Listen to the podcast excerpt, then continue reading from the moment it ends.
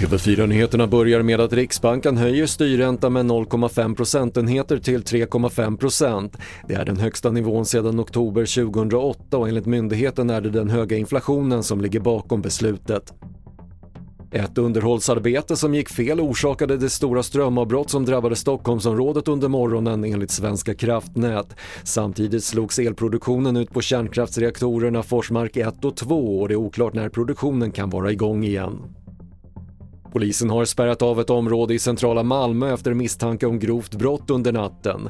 Flera personer har hämtats in till förhör men det finns inga uppgifter om skadade och polisen vill i nuläget inte kommentera om vad det rör sig om för brott. Och svenskarna satte nytt pantrekord förra året då över 2,6 miljarder burkar och flaskor pantades. Enligt Pantamera Returpack är det 9% fler än året innan och rekordet motsvarar 295 förpackningar per person och 50 000 ton återvunnet material. Fler nyheter på TV4.se. Jag heter Patrik Lindström.